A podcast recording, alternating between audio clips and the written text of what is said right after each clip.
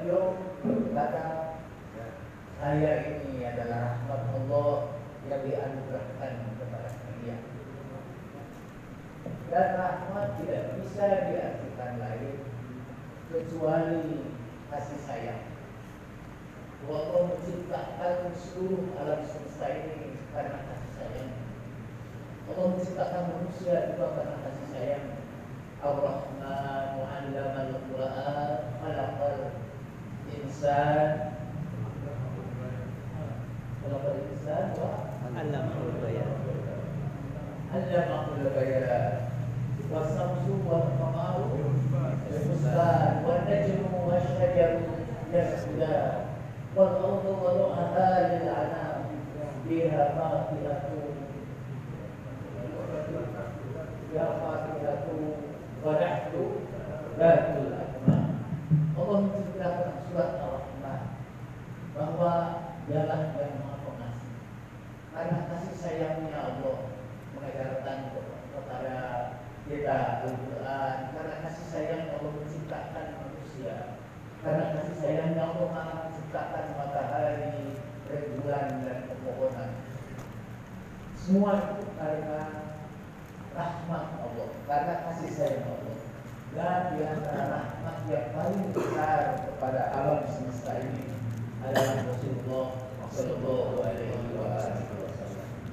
karena beliau tidak berbicara kecuali karena kasih sayang. Dan beliau mengajar manusia dengan ajaran kasih sayang. Dan saya ingin membacakan beberapa hadis saja tentang kasih sayang atau rahmat Allah Subhanahu wa taala yang diajarkan kepada kita oleh Rasulullah sallallahu alaihi wasallam. Beliau bersabda, "Inna Allah Ta'ala khalaqa mi'ata rahmah yawma khalaqa as-samawati wal ard كل رحمة منها طباق ما بين السماء والأرض فأهبط رحمة منها إلى الأرض منها تراحم القلب وبها تحطم الوالدة على والدها وبها تشرب الطير والوحوش من الماء وبها تعيش الخلائق Allah Subhanahu wa taala menciptakan 100 rahmat pada hari penciptaan langit dan bumi. Dan setiap rahmat Allah itu meliputi antara langit dan bumi.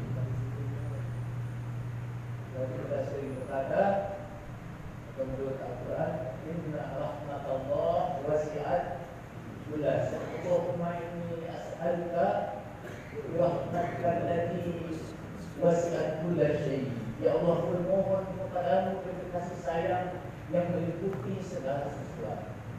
Alam semesta ini diciptakan dan diatur dengan kasih sayang Allah Subhanahu wa taala. Karena itu kita bermohon dengan kasih sayangnya. Ada doa kita kan sesudah sholat. Uh, tapi bisa berubah sini kita berdoa. Uh, ada doa sesudah salat. Ya Allah sesungguhnya uh, aku mungkin tidak akan bisa mencapai Tapi kasih sayangmu mencapai kami semua karena kasih sayangmu wasiat pula saya karena kasih sayangmu meliputi segala Allahumma ini illam akun ahlan an arduqa rahmaka rahmatuka ahlun an tabluwa an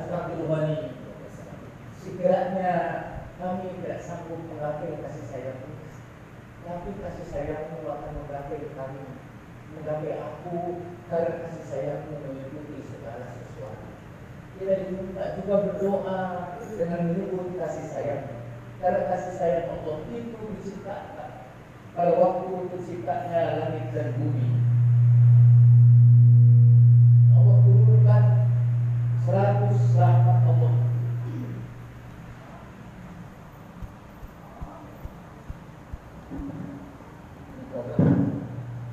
Saya menggunakan pengajian sebetulnya untuk meningkatkan supaya tidak bawa kita.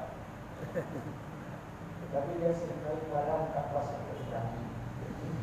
Rasulullah Sallallahu Alaihi Wasallam sesungguhnya Allah Taala menciptakan seratus rahmat pada saat penciptaan langit dan bumi dan setiap rahmat Allah itu luasnya seluas langit dan antara langit dan bumi. Fa'ahmatu rahmatan minha ilal ard. Dari seratus rahmat Allah itu kalau jatuhkan ke bumi satu rahmat saja. Hanya satu rahmat saja. Sembilan puluh sembilan rahmat itu nikahan Allah Subhanahu wa taala.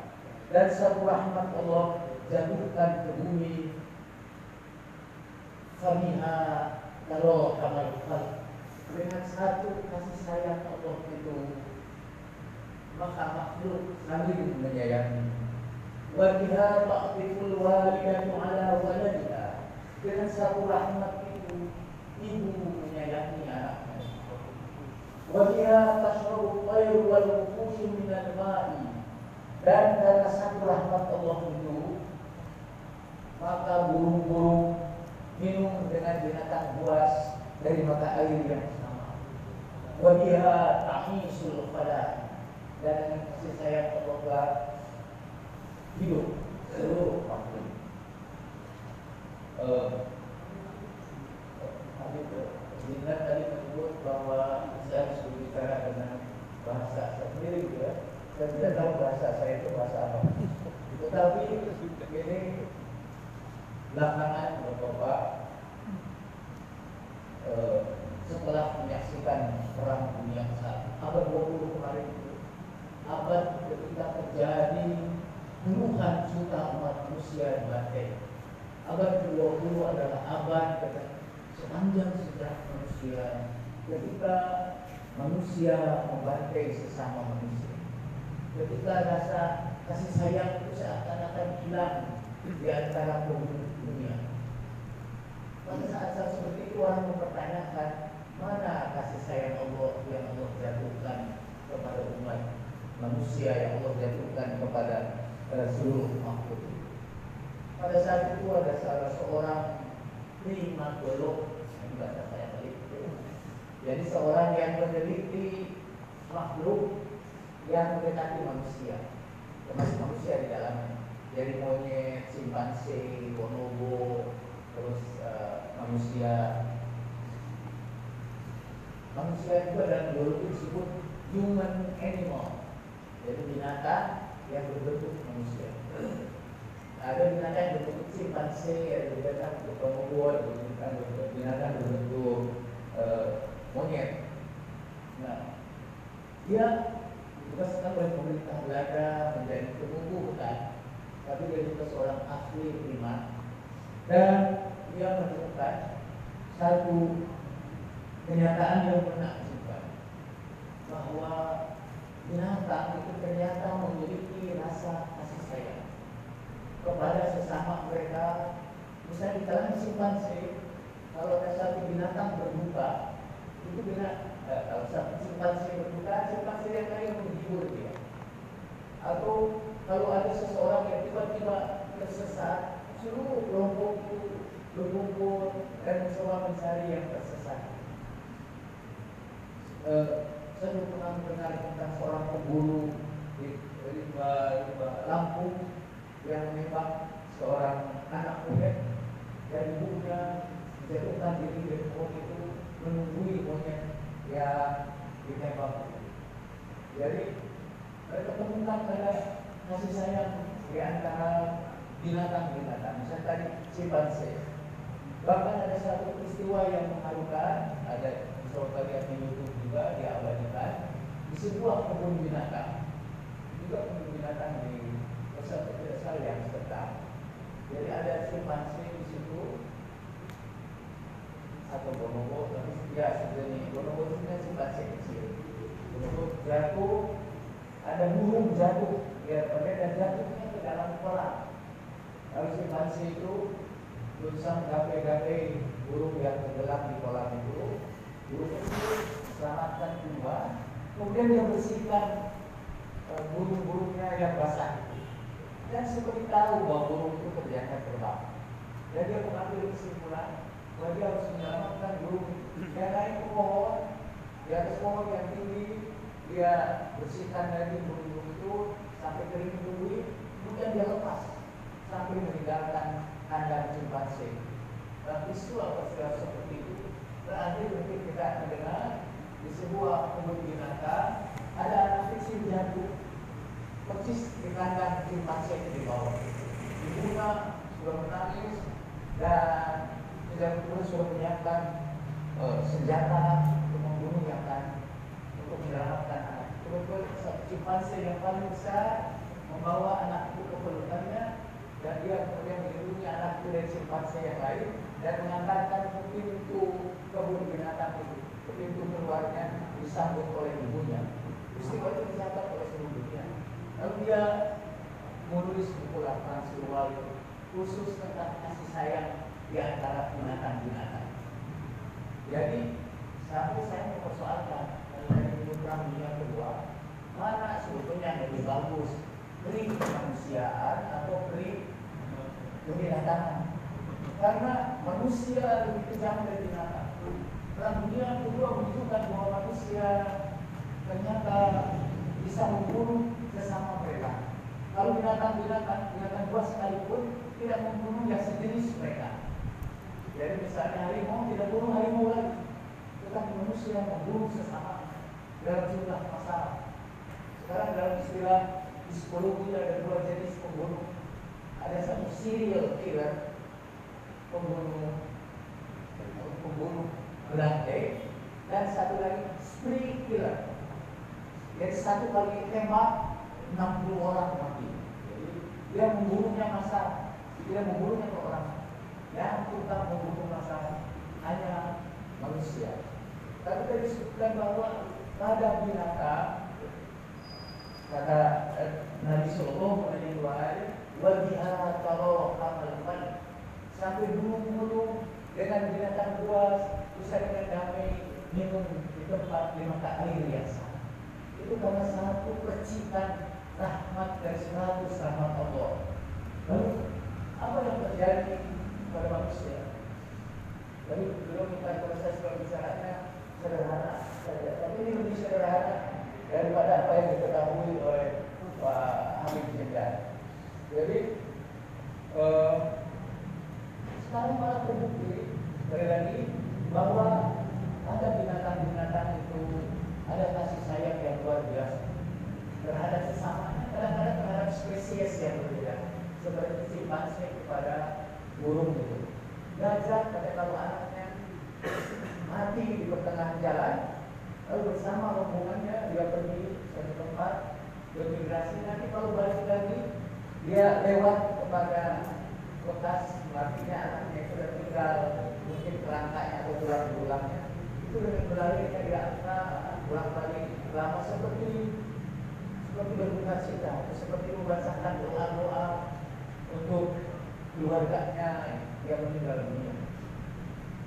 Di Moskow beberapa waktu lalu saya tahu sebelum tahun 2019 akhir abad 20 ada seekor anak eh seekor anak. Ada seorang anak manusia bergabung bersama anjing-anjing ratusan jumlahnya kadang-kadang masuk ke kota Moskow datang ke kota Moskow dipimpin oleh manusia yang bukan anak lagi tapi kira-kira usia pubertas. Dia jadi pemimpin monyet-monyet eh pemimpin anjing-anjing itu lalu tentara berusaha untuk memisahkan. Tapi anjing itu melindunginya luar biasa. Kecuali setelah anjing itu tertipu hanya manusia itu berakhir memisahkan. Apa yang terjadi sebelumnya? Anak itu ketika kecil anak itu ketika masih kecil bapaknya pemabuk ibunya jarang ada di rumah. Jadi anak itu sering ditinggalkan kedua orang tua keluarga itu selalu bertengkar terus. Dan si anak itu akhirnya keluar dari rumahnya itu gabung keluar ketemu dengan anjing-anjing liar di kota Moskow. Dan akhirnya dipelihara oleh anjing itu sampai kemudian menjadi pemimpinnya. Bapak-bapak ibu-ibu bisa buka di Google bisa contoh ada 10 manusia liar yang dibuang oleh orang tuanya dan dipelihara oleh binatang. Hanya contoh aja, sepuluh ada yang dipelihara oleh serigala, ada yang ditinggalkan oleh kedua orang tuanya dan dipelihara oleh burung.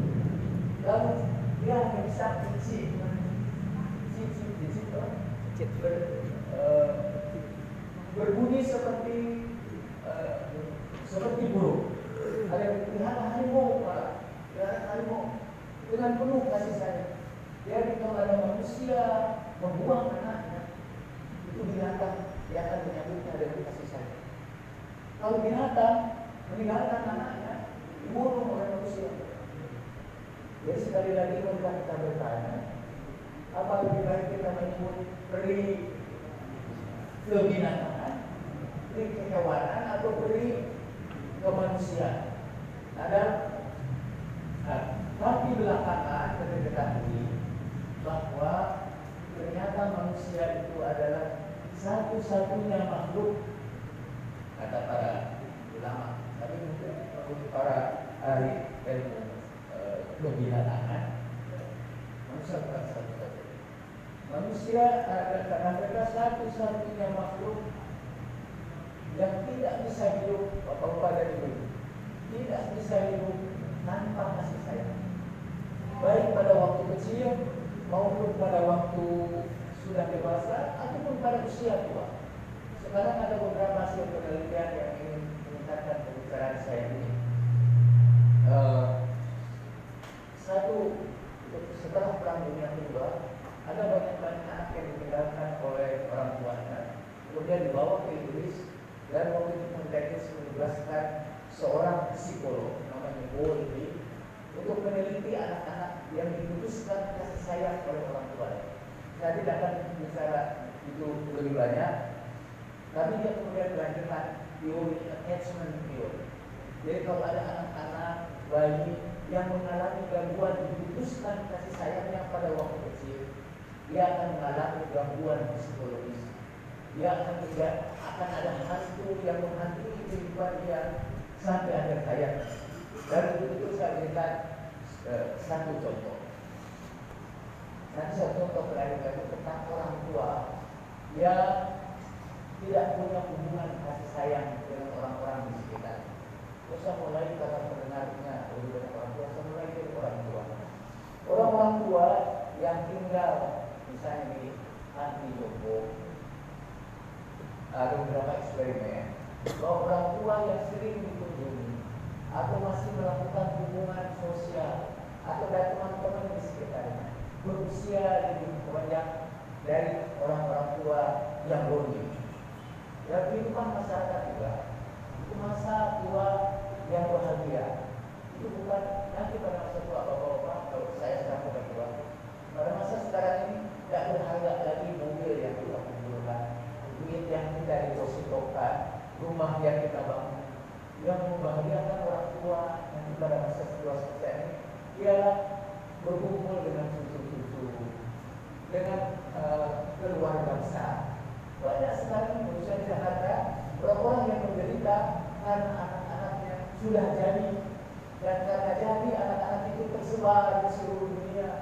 Dia kesepian dalam usia tua. Dan dia bilang bahagia karena sekali lagi manusia adalah makhluk yang tidak bisa hidup tanpa kasih sayang dari orang-orang di sekitar. ada uh, ada ada satu hasil penelitian yang menunjukkan bahwa bercerai bercerai misalnya uh, bercerai atau berpisah buat suami istri itu sama dalam tingkat mortalitas mortalitas tingkat kematian. Di tingkat kematiannya sama sebabnya dengan merokok 10 bungkus setiap hari. Yang isinya 10 jadi sama. Jadi kalau ada larangan merokok mestinya ada larangan bercerai. Kecuali kalau perceraian itu diikuti oleh hubungan kasih sayang juga dengan keluarga besar. Saya kira yang e, katanya sekarang ini berubah model. Dulu orang-orang itu satu keluarga itu biasa keluarga besar itu bisa sampai 10 atau 20. Sekarang keluarga inti itu makin mengecil. Sampai satu keluarga itu hanya tiga aja. Makin mengecil lagi. Itu yang disebut single hanya seorang aja dan itu kan yang menyebabkan berulangnya kebahagiaan pada manusia modern. Dan terakhir ini ada peristiwa yang memilukan di Romania pada waktu pemerintahan Ceausescu itu uh, Ceausescu itu melarang keluarga berencana. Tapi ekonomi negaranya itu sangat jelek. Jadi setiap tahun 10 ribu bayi dibuang di jalan-jalan. Kemudian dia dirawat di panti-panti asuhan dan satu panti asuhan itu rata-rata untuk mengurus 500 orang anak itu satu pengasuh. Jadi ada orang Amerika yang mendengar berita itu datang ke situ dia terharu menyaksikan 500 anak yang telanjang, yang buang airnya di mana saja, yang uh, perilakunya itu sangat mengenaskan sampai dia menangis. Terus dia berusaha menyelundupkan anak-anak secara ilegal di rumahnya dibawa ke Amerika dan dibawa ke Eropa. Ditawarkan kepada keluarga-keluarga yang ingin punya anak. Apa yang terjadi? Tidak lama setelah itu tiga bulan setelah itu hampir semua keluarga ingin membalikan dari anak kepada seorang Amerika itu. Bapak juga bisa cek di YouTube tentang sejarah sebenarnya tulis saja Romanian Kids dan saya percaya kalau bapak tidak menangis kayaknya sudah hilang kebinatangan bapak ya jadi itu sangat mengatakan kenapa? Karena anak-anak itu semuanya perilakunya dari aneh. Ada seorang anak yang kerjanya itu menyiksa kucing. Jadi menusuk-nusuk kucing dan melemparkannya jauh-jauh ada juga yang mengganggu yang lain. Ada seorang anak perempuan yang sudah mulai dewasa, dia datang ke park atau eh, park umum, jadi taman umum, dan dia melakukan masturbasi di hadapan orang lain. Itu kelakuannya itu aneh-aneh. Dan ketika diperiksa dengan fMRI ya, scanning otaknya, semuanya mengalami kerusakan otak. Jadi anak yang tidak disarkan dengan kasih sayang atau dia bisa di, di Amerika pada saya mau mengalir di Amerika itu satu dari sepuluh orang yang masuk detro jadi mau dihukum mati itu adalah anak yang benci kepada bapak. Diwawancarai masa anak-anaknya dia benci kepada bapak. Dia memutuskan kasih sayang dengan bapak. Dia jadi bapak-bapak. Kalau itu sekarang bapak saya sudah tidak punya anak lagi. Kalau ada anak yang putus kasih sayangnya dengan bapaknya, dia cenderung kalau tidak ada pengganti bapak. Tapi saya tanya kenapa Rasulullah juga putus kasih sayang dari ayahnya, tapi dia dapat melimpahkan kasih sayang yang luar biasa dari kakeknya Abu Talib. Dan setelah Abu Talib, eh, eh Abdul, setelah Abdul Muttalib meninggal juga dia dapat limpahan kasih sayang dari uh, ibu dan ayah asuhnya dari Fatimah binti Hasan yang kata Rasulullah dia yang menunjukkan aku daripada anak-anaknya dia susukkan aku tidak anak-anaknya dalam keadaan kelaparan sampai dia menitipkan garisnya ketika Fatimah binti Hasan itu meninggal dunia dia titipkan garisnya kepada Imam Ali supaya dia dikafani dengan garis Rasulullah. Yang menunggu lama di kuburan Fatimah binti Hasan bahkan. Itu kau nggak kata bertanya, kenapa kau lakukan ini yang tidak pernah kau lakukan sebelumnya? Kata Rasulullah, dialah ibuku yang kedua. Jadi cintaannya kepada ibu yang bilang itu ada yang menggantikannya. Nah, kalau tidak ada menggantikan, cintaan kepada bapak, saya ini tidak ada menggantikan, anak akan berkembang menjadi tidak lemah. Karena manusia itu hanya bisa hidup, bahkan bukan manusia, misalnya seluruh makhluk Allah itu hanya bisa hidup dengan kasih sayang Allah Subhanahu wa taala. Wa biha amal qalbi dengan kasih sayang Allah saling mencintai. Kita semua fitrahnya itu kasih sayang. Kita semua sebenarnya bukan binatang yang punya fitrah kasih sayang. Maaf, maaf kalau ini kalimat sudah saya ada menyinggung perasaan bapak-bapak dan ibu. Kita ini fitrahnya kasih sayang. Biasanya anak kecil bayi itu kalau berada di tempat penampungan bayi, satu bayi menangis, dia akan ikut menangis. Semua bayi. Tanpa bayi itu bertanya siapa nama yang menangis itu. Anak siapa uh, bayi yang menangis itu. Agamanya apa, mazhabnya apa. Ya, dia menangis dengan tulus. Bahwa bayi kecil dan bayi yang lain menangis, dia akan segera menangis. Tanpa mempersoalkan asal usulnya. Jadi, bukan bukan apa yang menyebabkan empati kita hilang? Bukan berarti kalau karena aku tidak bisa menjelaskan lebih lanjut. Agama, agama membuat kita kehilangan empati kita. Agama mulai membeda-bedakan mana yang satu mata dengan kita, mana yang tidak satu mata kita. Kemudian anak-anak kita dicarikan sebetulnya bukan agamanya sih yang begitu, tapi penafsiran mereka terhadap agama. Dan kalau empati dibuang dengan dasar agama, orang akan menjadi lebih kejam daripada binatang. Dalam pengembangan sejarah, agama menjadi penyebab tindakan kekerasan. Kalau kamu bunuh karena kelaparan, dia masih ada perasaan penyesalan. Dia tidak membunuh kecuali yang tidak itu. Tapi kalau dia membunuhnya karena agama, dia tidak ada perasaan menyesal. Malah ada perasaan ibadah yang luar biasa. Dia merasa berjihad dan itu sebabnya kekejaman karena agama sepanjang sejarah itu kekejaman yang luar biasa. Baca sejarah-sejarah perkembangan agama.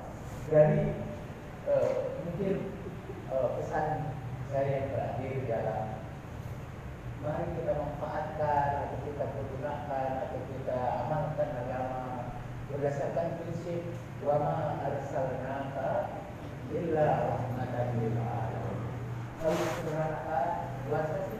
saya menemukan rahmat daripada mungkin saya tentang agama. Daripada penafsiran saya tentang agama, saya menemukan kasih sayang terhadap sesama manusia. Dan itu yang dilakukan Rasulullah Shallallahu Alaihi Wasallam. Dan ini hadis yang terakhir. Dan ini hadis ini insya tidak saya komentari lah. Uh,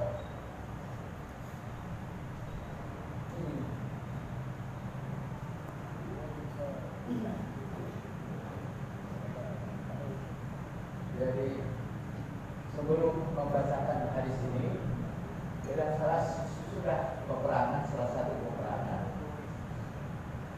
Rasulullah menawan para peperangan ini awalan itu di masjid. Bukan kalau masjid boleh dimasuki oleh orang kafir, ya, karena itu tawanan itu semua orang kafir yang memerangi Rasulullah Shallallahu Alaihi Wasallam. dan saya ambil karena hadisnya panjang. Ketika Rasulullah masuk masjid, Nahadat min bainil qaum sakanatu bintu Adi. di antara kawan-kawan itu berdirilah seorang perempuan. Namanya Safana binti Hatim. Dan dia wakola kalimat baina yadai Rasulullah Shallallahu Alaihi Wasallam perempuan itu bahkan sangat mempesona wajahnya dan sangat balik sangat masih pembicaraannya. Jadi bahasa Arabnya itu bahasa Arab yang kelas tinggi dan kemudian dia berkata ya Rasulullah masuk dia mencegat Rasulullah di depan. Ya Muhammad halakal walid wa khabal wafid. Fa in ra'aita an anni wa la tusmit bi ahya al-arab. Hei Muhammad sudah meninggal orang tua dan sudah hilang para pusat sudah putus juga hubungan dengan keluarga kalau engkau mau membebaskan aku janganlah engkau permalukan karena aku orang-orang Arab yang masih hidup.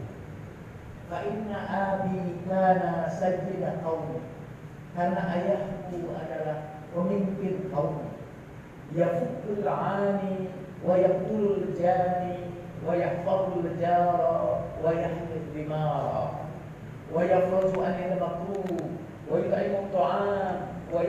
ويفسي السلام ويحمل الكلا ويعين على نوائب الدهر وما أتاه أحد في حاجة فرده خائبا Ayahku adalah pemimpin kaum Lalu disebutkan sifat-sifat ayahnya Dialah yang membebaskan budak-budak beliau Dia yang membunuh orang-orang yang jahat Dia yang memelihara hubungan ketetanggaan dia yang memenuhi hak orang-orang yang memilih hak atas dia.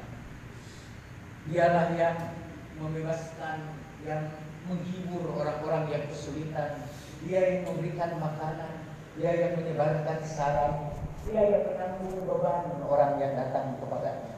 Dia yang membantu orang atas musibah yang menimpa. Wa ma atahu ahadun fi hajatin qardahu qurban tidak pernah orang datang kepadanya membawa keperluan kecuali dia tidak pernah orang datang kepadanya dengan satu keperluan lalu dia kembalikan dalam keadaan yang sia-sia atau dengan tangan kosong. Ana bintu Hatim atau aku adalah putra Hatim atau Bapak kata Rasulullah Sallallahu Alaihi Wasallam Ya jaya Hei perempuan Hei anak gadis Hadhihi sifatul mu'minina haqqo. Inilah sifat kaum mukminin yang sebenarnya. Lau kana abuka musliman latarahanna Sekiranya ayah kamu muslim, kamu mungkin akan ada upacara agama melakukan tarahum tapi seperti tahlilan tarahum kepada Nabi lalu kata Rasulullah Shallallahu Alaihi Wasallam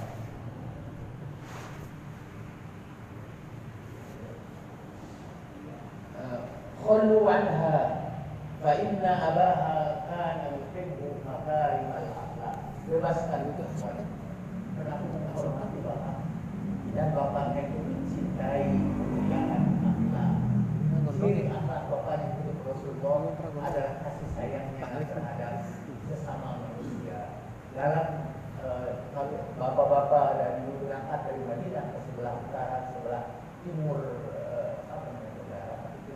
timur laut. Di tengah-tengah padang pasir ada satu tempat pembakaran api. Ini mau itu. E, tempat pembakaran api. Itu di daerah Hai. E, tidak itu adalah e, bekas nyala api dari Hatim atau bapaknya perempuan. Hatim atau pembuatan dari padang pasir buat mereka yang kelaparan di padang pasir datanglah ke sini.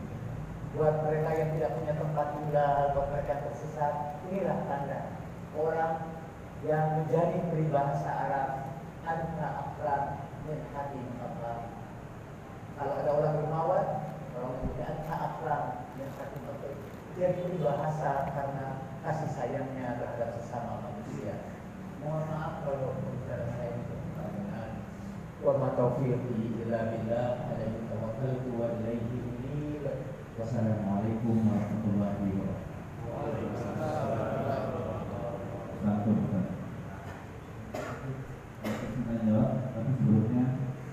Ustaz Jalal sedikit menyinggung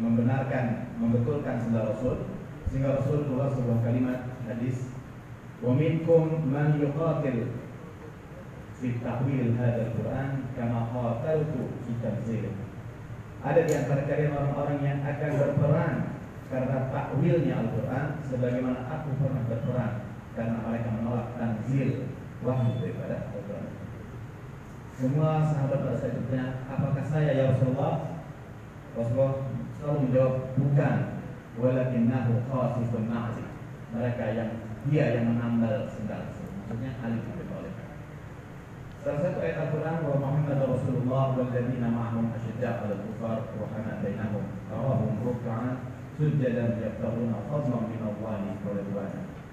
Ayat tersebut memberikan kejelasan kepada kita bahwa Muhammad adalah utusan Allah yang bersamanya tegas kepada orang-orang kufar tetapi kasih sayang sama mereka. Takwil Quran ternyata menggiring banyak kaum muslimin yang merubah penafsiran atau makna pemahaman dari Al-Quran sehingga apa yang dikatakan Ustaz tadi bagaimana agama itu dengan takwilnya dengan tafsirnya menggiring manusia yang seharusnya adalah sosok yang paling berbelas kasih sosok yang kaya akan rahmat tetapi justru menjadi manusia manusia demikian mungkin uh, sambil menunggu ada pertanyaan saya bisa menjelaskan kembali uh, apa yang saya mohon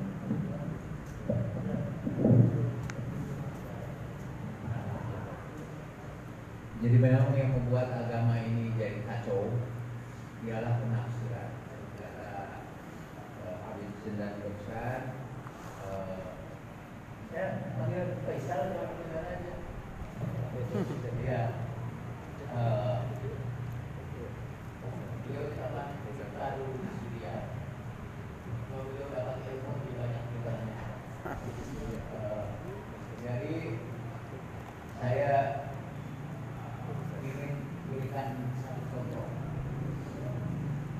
bagaimana eh, buat Nabi bagaimana buat Nabi jihad itu harus didahulukan dengan berkhidmat kepada orang tua. Jadi ada orang datang menemui Nabi Shallallahu Alaihi Wasallam. Ya Rasulullah izinkan saya berjihad, kan saya berperang. Apakah kamu punya orang tua? Saya punya orang tua uh, bir Bapak berbuat baiklah dulu kepada kedua orang tua Fajadi iman Jadi kamu buat baiklah kepada orang tua kamu baru kamu berjihad. Artinya dahulukan kembangkan kasih sayang sebelum pergi berjihad. Saya dengar ini dalam sebuah diskusi dengan bukan saya diskusinya itu ada anak saya diskusi dengan pengikut HTI Gimana tentang hadis ini? Karena ada seorang anak yang meninggalkan orang tuanya, memusuhi orang tuanya, memutuskan silaturahmi orang tuanya karena gabung dengan HTI.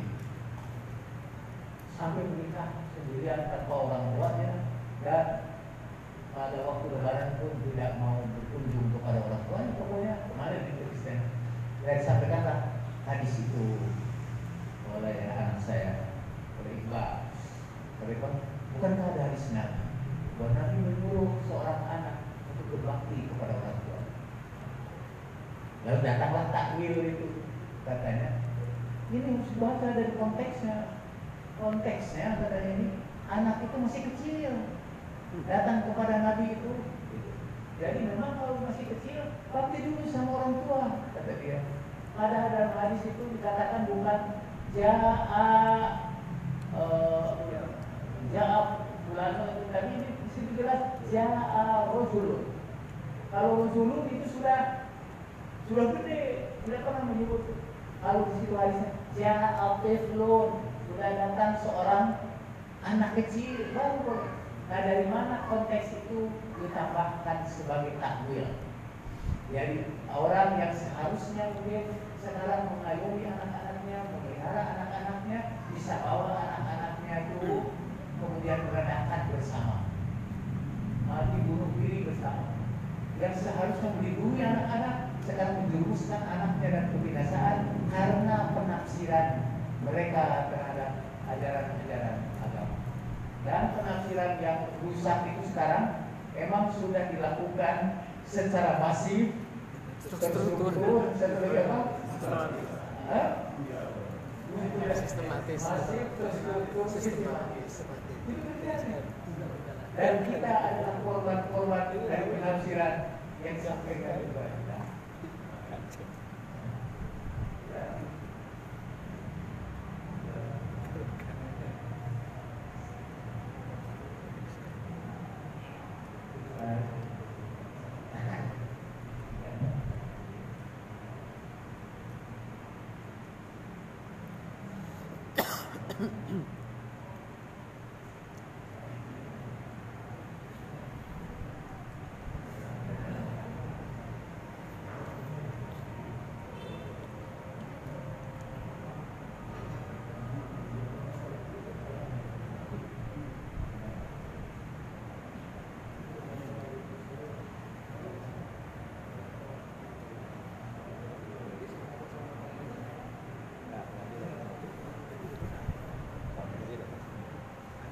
Demikian apa yang disampaikan oleh guru kita Ustaz Jalaluddin Rahmat. Semoga apa yang disampaikan itu yang singkat itu bermanfaat buat kita semua. Amin ya rabbal alamin. Selanjutnya Sohibul Bait menyediakan suguhan. Katanya yang ingin eh, mencicipi di sebelah ruangan sebelah yang sudah ada silahkan. Eh, nanti setelah maghrib ini beliau waktunya nggak banyak katanya beliau masih ada acara tapi saya sudah tadi masih tawar menawar soal waktunya mungkin dapat sedikit saja ya. Dapat sedikit lah tawarannya. Walaupun sedikit nanti bisa dimanfaatkan kalau e, mau sholat maghrib mau mencicipi mencicipi ya, karena beliau mungkin pukul 7 saja ya. maksimal ya. 7 harus keluar dari ruangan ini. Mungkin ikhwan-ikhwan sekalian demikian. Wabillahi taufiq wal hidayah. Wassalamualaikum warahmatullahi taala wabarakatuh. Tapi hakikat doa yang sebenarnya lebih dari itu hanya sekedar meminta apa yang kita butuhkan ya tetapi bagaimana kita dibimbing untuk senantiasa dekat kepada Allah Subhanahu wa taala? Ya kita diminta untuk meminta apa pun yang kita butuhkan. Tetapi bukan berarti apa pun yang kita minta itu itu juga yang dibalaskan oleh Allah Subhanahu wa taala.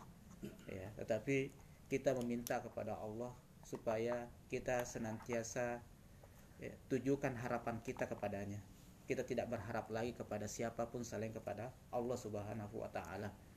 Ya, di antara doa yang kita baca tadi itu adalah doa kumail, ya doa yang diajarkan oleh Rasulullah kepada Ali bin Abi Thalib dan kemudian Ali bin Abi Thalib mengajarkan kepada sahabatnya Humail dan Humail lah yang menulis ya, eh, yang menukil doa ini kepada kita semua.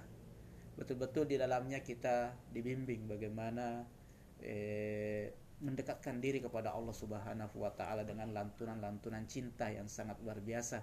Bagaimana seorang hamba ya berbicara kepada Tuhannya. Bagaimana etikanya seorang hamba ya seorang ciptaan ya berbicara dan bermunajat dan bermohon kepada ya Tuhannya kepada penciptanya ya, yaitu betul-betul menunjukkan rasa penghambaan kita sepenuhnya kepadanya. Kita dibimbing bagaimana merasakan betapa agungnya Allah Subhanahu wa taala sehingga hilanglah keagungan-keagungan dalam pikiran kita, dalam hati kita selain daripada keagungan Allah Subhanahu wa taala. Jadi hakikat seorang hamba itu adalah ketika dia sudah merasa dirinya tidak memiliki apa-apa. Ya, ketika dia sudah merasakan dirinya itu tidak memiliki kekuatan apa-apa, tidak memiliki daya apa-apa. Ketika sudah la haula wala quwata, ya betul-betul dia tidak memiliki apa-apa, dia tidak dia tidak memiliki kekuatan apa pun. Ya, dia tidak siapa-siapa. Ya. Semuanya kebergantungannya hanya kepada Allah Subhanahu wa taala. Itulah hakikat hamba. Makanya makom manusia yang paling tinggi ya adalah penghambaan adalah menjadi hamba. Wa ma khalaqtul wal insa illa liya'buduni. Saya tidak menciptakan jin dan manusia kecuali hanya untuk menghamba kepadaku. Maksudnya menjadi hamba sahaya di hadapan Allah Subhanahu wa taala. Hakikatnya hamba adalah apa tadi yang saya katakan adalah ketika kita sudah tidak memiliki apa-apa lagi kita merasakan bahwasanya kita tidak memiliki daya tidak memiliki kekuatan tidak memiliki kepemilikan apa pun semuanya itu adalah ya dari Allah Subhanahu wa taala. Kita tidak bersandarkan diri kita lagi kepada siapa pun selain daripada Allah, bahkan kepada diri kita sendiri. Semuanya tertuju kepada Allah. Itulah hakikat hamba sesungguhnya. Karena apa yang bisa kita persembahkan kepada Allah? Allah semua memiliki segala-galanya. Allah ya maha kaya. Allah tidak butuh apa pun dari kita. Ya, maka satu-satunya yang bisa kita persembahkan kepada Allah yang Allah tidak miliki adalah penghambaan. Nah, doa ya di antaranya adalah diajarkan dalam Islam, diajarkan dalam Al-Quran, diajarkan oleh Rasulullah ya adalah bagaimana senantiasa menggantungkan diri kita kepada Allah. Oleh karena itu apa pun saja yang kita butuhkan, yang kita rasakan butuhkan, kita langsung minta kepada Allah. Kita harap berharap kepada Allah. Karena kapan kita membutuh merasa membutuhkan sesuatu, kapan kita merasa ya eh, menginginkan sesuatu ya, kemudian kita lupakan Allah Subhanahu wa taala sumber segala-galanya akhirnya bisa saja harapan kita dan kebergantungan kita tertuju kepada selain Allah Subhanahu wa taala tertuju kepada materi tertuju kepada ciptaan Allah Subhanahu wa taala tertuju kepada sesuatu yang sama dengan kita yaitu sama-sama butuh ya itu apa namanya kalau kita tidak membiasakan diri kita berdoa kepada Allah Subhanahu wa taala. Kayak saya membahasakan merasa butuh karena belum tentu yang kita rasakan butuh itu adalah betul-betul itulah kebutuhan kita. Makanya doa sebenarnya itu pada hakikatnya adalah mendekatkan kita kepada Allah Subhanahu wa taala dan senantiasa menghilangkan segala kebergantungan selain daripada kepadanya ya, selain daripada kepadanya. Bukan berarti di saat kita saja merasa butuh baru meminta akhirnya kadang kecewa kepada Allah karena merasa tidak diijabah doanya. Ya merasa tidak diterima doanya. Merasa tidak didengar doanya. Padahal Allah pasti mendengar. Apa pun yang kita minta apa pun yang kita munajatkan apa pun yang kita harapkan pasti Allah dengar. Dan Allah telah memberikan sebenarnya apa yang kita butuhkan bahkan sebelum kita meminta justru kita lah yang mesti harus berdoa supaya senantiasa ya semua kebergantungan kita tertuju kepada Allah Subhanahu wa taala. Banyak sering saya sampaikan kepada santri bahwasanya apa pun Anda butuhkan, Anda mau makan bakso langsung minta kepada Allah ya Allah berikanlah saya bakso. Ya, walaupun misalnya ya tidak ada apa namanya ya eh, jawabannya bakso ya tetapi bisa saja yang diberi yang diberikan pasti ya kelancaran rezeki sehingga nanti suatu saat akan diberikan lebih daripada bakso itu. Tapi inti daripada ya kita berharap ketika kita berkeinginan sekecil apa pun itu langsung kita meminta kepada Allah ya supaya jangan sampai kita biarkan hati kita ini bergantung kepada yang lain. Akhirnya kalau kita tidak tertuju kita menginginkan bakso dan kita tidak mengingat Allah ya kita tidak meminta kepada Allah. Akhirnya kita berharap sama teman kita untuk traktir kita. Kita berharap kepada orang ya lain untuk ya me, membelikan kita. Ya kita akhirnya berharap ya kepada siapa saja yang bisa mengadakan bakso itu. Akhirnya muncullah kebergantungan kepada selain Allah Subhanahu wa taala. Makanya bukan hanya pada malam Jumat saja kita harus berdoa bukan hanya setelah sholat saja kita berdoa tapi kapan saja kita merasa butuh sekecil apa pun itu. Ya kita merasa ingin langsung ya tujukan keinginannya kepada Allah Subhanahu wa taala. Ya ingin punya apa pun itu ya ingin istirahat pun itu itu semuanya minta kepada Allah Subhanahu wa taala ya minta kepada Allah Subhanahu wa taala. Sekali lagi bukan berarti Allah harus apa namanya harus memberikan apa yang sesuai dengan keinginan, keinginan kita. Ya bukan itu hakikatnya doa itu. Karena Allah lebih tahu apa yang kita butuhkan. Tetapi tujuan utamanya adalah bagaimana senantiasa diri kita itu bergantung kepadanya. Sehingga ketika kita sudah bergantung kepadanya maka kita sudah makin dekat dengan sumber segala kebaikan, sumber segala ya kebahagiaan karena Allah Subhanahu wa taala sumber segala sumber.